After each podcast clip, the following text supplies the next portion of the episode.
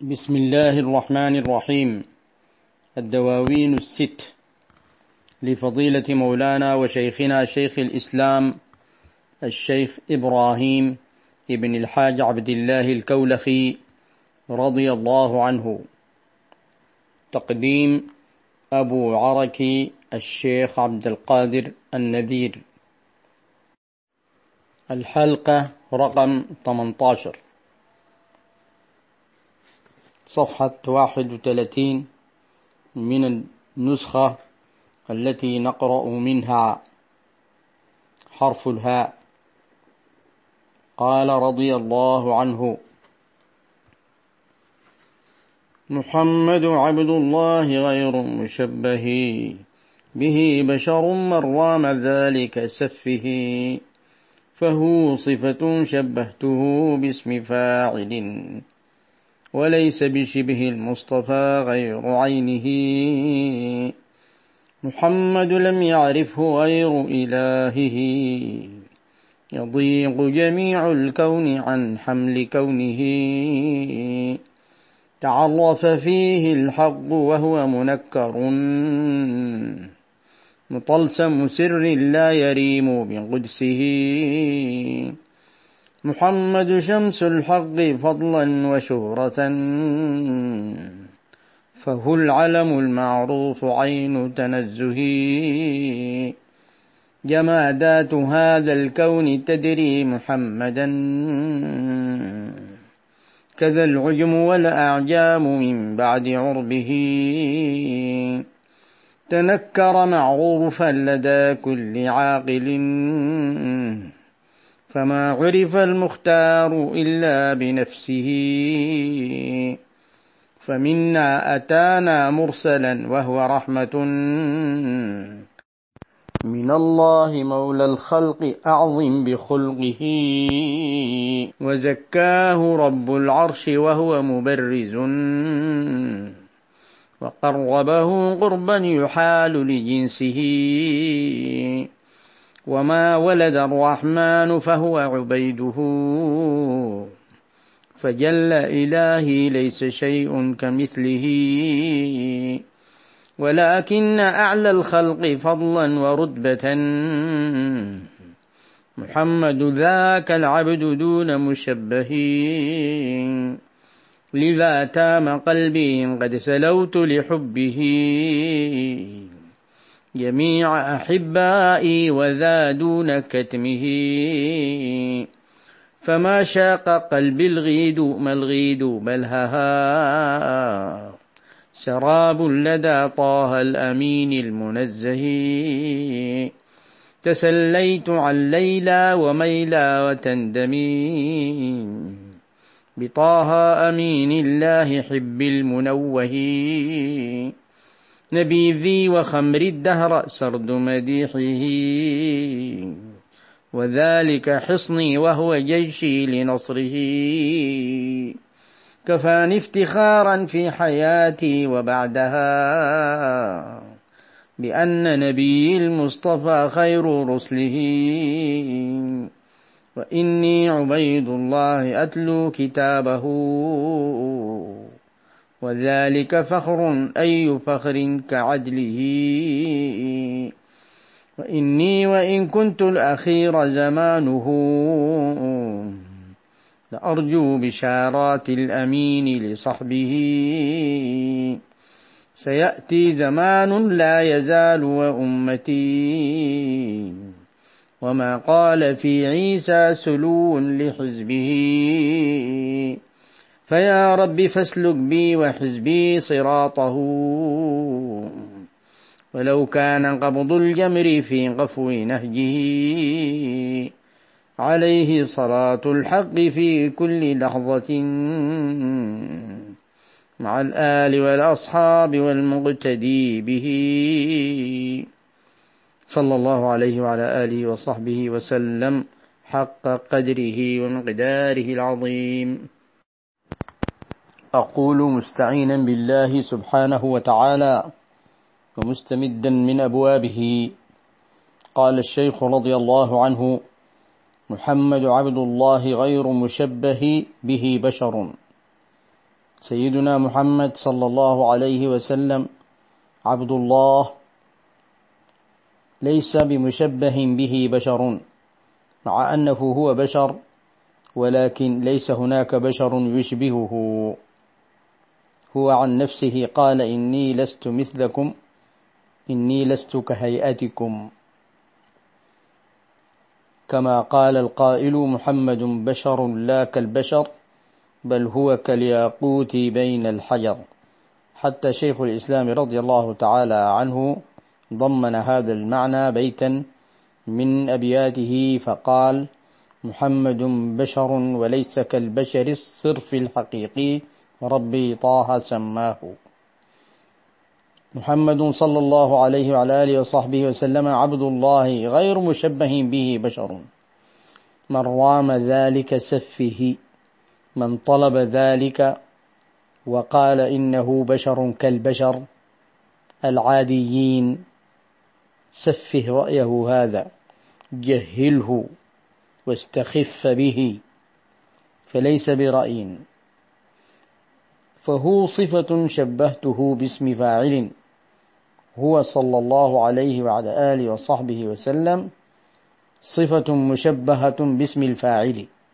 الشيخ رضي الله تعالى عنه هنا شبه استمداد النبي صلى الله عليه وعلى آله وصحبه وسلم من الحق سبحانه وتعالى المتصف أصلا بصفات الكمال.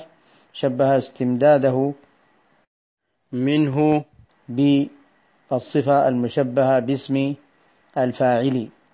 وأصلا معروف أن الصفة المشبهة هي صفة مشتقة من مصدر الفعل اللازم الثلاثي. لتدل على معنى ثابت في الموصوف مثل عطشان عظيم شهم همام بطل جبان حلو إلى آخر أوزان الصفة المشبهة والفاعل الحقيقي هو المولى عز وجل ولكن المولى عز وجل جعل النبي صلى الله عليه وعلى آله وصحبه وسلم قاسما فهو صفة مستمدة من الحق سبحانه وتعالى. فالحق سبحانه وتعالى اتصاف حقيقي والرسول صلى الله عليه وسلم استمداد من المولى سبحانه وتعالى.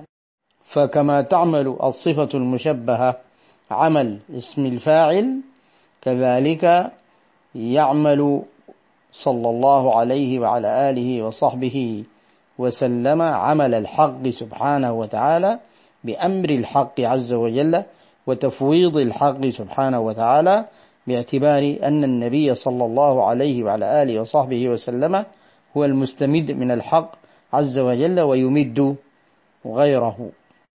قال الشيخ رضي الله عنه في بيت من أبيات الديوان هو الفاعل المرفوع بالضم نائبا عن الحضرة العلياء. وليس بشبه المصطفى غير عينه ليس شبيه للنبي صلى الله عليه وسلم غير نفسه. محمد لم يعرفه غير إلهه. محمد صلى الله عليه وسلم في حقيقته المحمدية ونوره الأصل وسره الذي هو عنده. لم يعرفه غير إلهه. يضيق جميع الكون عن حمل كونه. تعرف فيه الحق. المولى عز وجل تعرف فيه. وهو منكر والحال أنه منكر لأن الحقيقة المحمدية لم يشم رائحتها في حقيقتها أحد. مطلسم سر أي مكتوم سر لا يريم بقدسه أي لا يبرح في قدسه أي في طهره. صلى الله عليه وعلى آله وصحبه وسلم. محمد شمس الحق. فضلا وشهرة هو شمس الحق ظاهرة. فضلا وشهرة فهو العلم فهو العلم بتسكين الواو. ممكن أن نصلحها في المكتوب أمامنا في الديوان. فهو العلم المعروف عين تنزه. هو الاسم المعروف المنزه عن النقائص. جمادات هذا الكون تدري محمدا. كذا العجم والأعجام من بعد عرضه. معروف من سيرته صلى الله عليه وعلى آله وصحبه وسلم أن الجمادات تتعامل معه يسلم عليه الحجر ويتجاوب معه كل شيء كما هو في سيرته صلى الله عليه وعلى آله وصحبه وسلم. كذا العجم كذلك والأعجام جميعهم من بعد العرب يعرفونه صلى الله عليه وعلى آله وصحبه وسلم حتى الذين أنكروا في الظاهر نبوته ولم يؤمنوا به كانوا يعرفونه يعرفونه كما يعرفون أبناءهم. وحتى المشركين الذين كانوا بمكة يعرفون أنه مخصوص وأنه الأمين وأن له صفات لا توجد في أحد غيره. تنكر معروفا لدى كل عاقل. تنكر والحال حال كونه معروفا.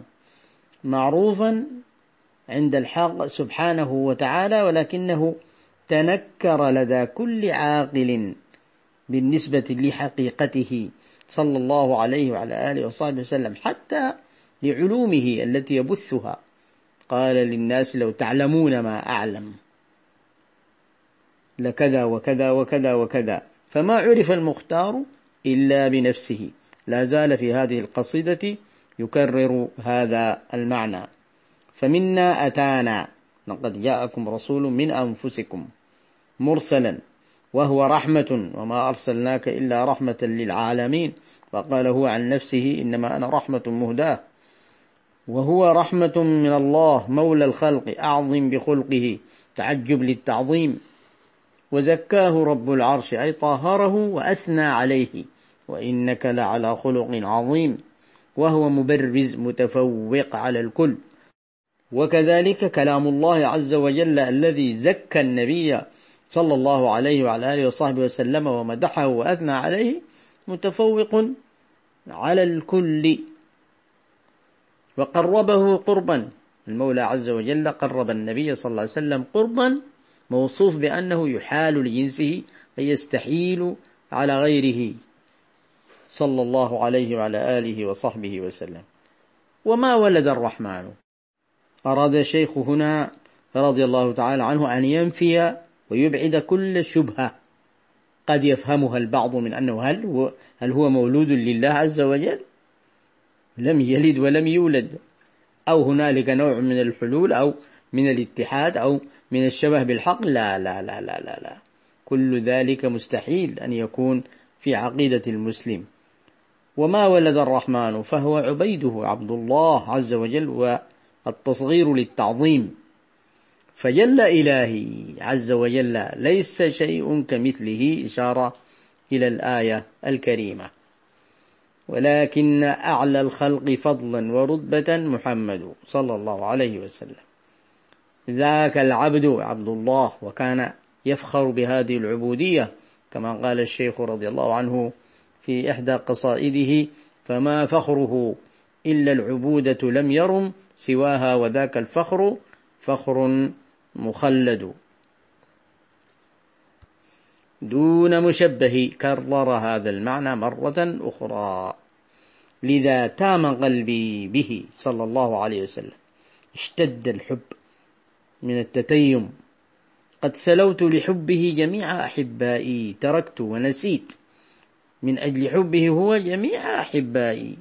وذا وهذا الأمر وهذا المعنى دون كتمه دون عبده القطب المكتوم الذي هو سبب الإمداد لنا. ويعني به هنا فضيلة مولانا الخاتم المحمدي المعلوم الشيخ أحمد بن محمد التجاني رضي الله تعالى عنه إذ عرف عند القوم بأنه خاتم الأولياء بمعنى أنه بلغ رتبة في الولاية لا تبلغ وبمعنى أنه هو الذي يستمد من النبي صلى الله عليه وعلى آله وصحبه وسلم ويمد غيره. هذا في مصطلح القوم جميعا أن ختم الأولياء هو الذي يتولى هذه المهمة وهو تقسيم إلهي. المولى عز وجل هو الذي يعطي. والتقسيم يأتي من هذه الحيثية ومن هذه الكيفية. كما في الدنيا الآن الأمور مقسمة. انظر إليها. مع أن الله عز وجل قسمها من عنده منذ الأزل فقال نحن قسمنا بينهم معيشتهم في الحياة الدنيا ورفعنا بعضهم فوق بعض درجات. منذ الأزل هي مقسومة ولكن تظهر تظهر تظهر بحسب ما قدره الله عز وجل. فما شاق قلبي الغيد؟ ما شاق ما أهاج وما شد قلبي وما آه، جذب إعجابي الغيد. الغيد جمع غيداء والغيداء هي الحسناء الناعمة. ما شاق قلبي الغيد؟ ما الغيد في جانب النبي صلى الله عليه وسلم؟ بلهها يعني أتركها. هي سراب لدى طه الأمين المنزه صلى الله عليه وعلى آله وصحبه وسلم. تسليت عن ليلى وميلى وتندمي بطه أمين الله حب المنوه عن هذه الأغيار وهذه آه، الأسماء التي كلها تدل على أسماء نساء وهي من الشهوات المزينة للناس عموما. زين للناس حب الشهوات من النساء إلى غيره. والشيخ رضي الله تعالى عنه يقول تسليت. عن ليلى وميلى وتندمي بطه صلى الله عليه وعلى آله وصحبه وسلم أمين الله حبي أي محبوبي المنوه أي المرفوع الذكر المشتهر المعظم.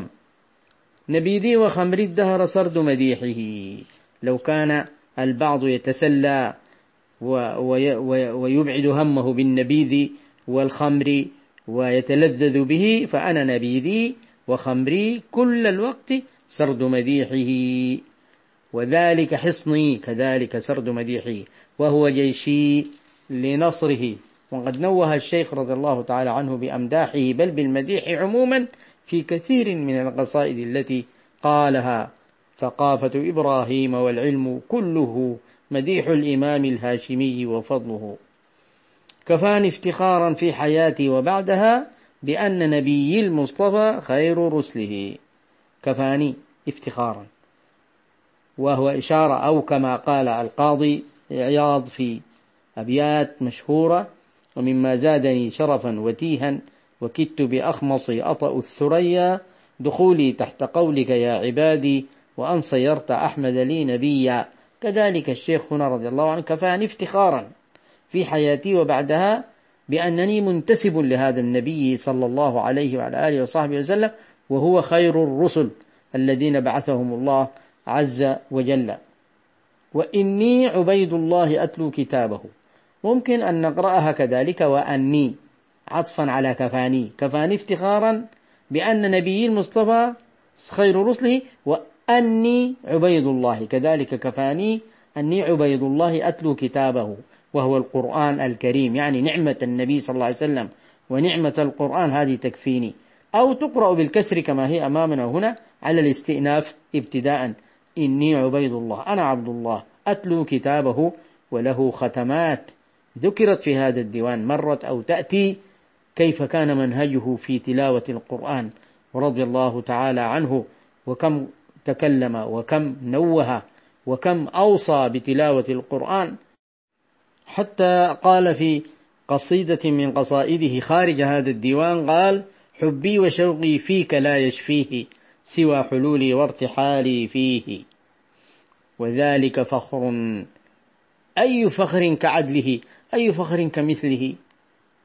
وإني وإن كنت الأخير زمانه لأرجو بشارات الأمين لصحبه.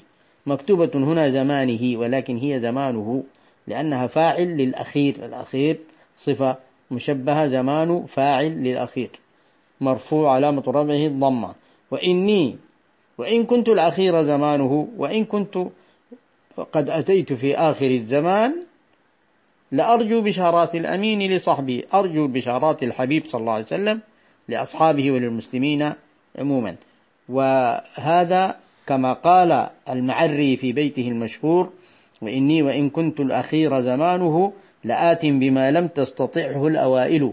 ولكن الشيخ هنا قال وإني وإن كنت الأخير زمانه لأرجو بشارات الأمين لصحبه ما هذه البشارات؟ ذكر في البيت التالي هذا أربع أربعة أحاديث. سيأتي زمان هذا حديث. لا يزال هذا حديث. أمتي حديث. وما قال في عيسى حديث. سيأتي زمان القابض فيه على دينه كالقابض على الجمر للعامل فيه أجر خمسين. قالوا منا أو منهم. قال بل منكم. فإنكم تجدون على الخير أعوانا ولا يجدون عليه أعوانا. هذا يبشرني. معناها سيأتي زمان والزمان هذا موجود. هذه بشارة. وإن كان الفساد ظاهرا. والحديث رواه الترمذي.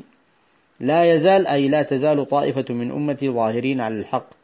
لا يضرهم من خالفهم حتى يأتي أمر الله. وهذا أيضا فيه بشارة وهو في صحيح مسلم. وأمتي أمتي كالمطر لا يدرى خير أم أوله خير أم آخره. رواه الترمذي وحسنه.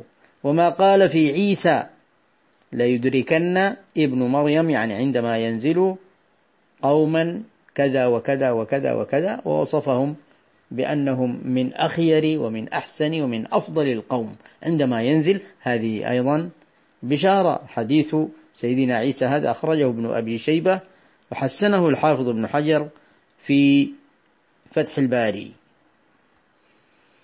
وما قال في عيسى سلو لحزبه أي طيب نفس تطيب النفس بما قاله في سيدنا عيسى عليه السلام.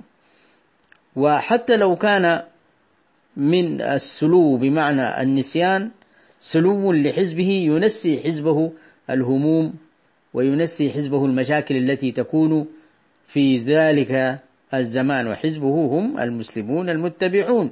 له وفي ذلك بشارات لنا جميعا. فيا رب فاسلك بي وحزبي صراطه دعاء. يسأل الله عز وجل أن يسلك به وكذلك بحزبه وهم المسلمون عموما. أو التجانيون, التجانيون خصوصا ومن معه كذلك من أتباعه في أخص الخصوص. ولو كان قبض الجمر في قفو نهجه ولو كان قبض قبض الجمر في قفو نهجه هذا إشارة الحديث الذي تقدم يعني القابض على دينه كالقابض على الجمر وإن كان ذلك صعبا جدا جدا لكنني أسأل الله عز وجل أن أسلك وحزبي هذا الصراط المستقيم. عليه صلاة الحق في كل لحظة مع الآل والأصحاب والمقتدي به. والله أعلم ونواصل إن شاء الله تعالى.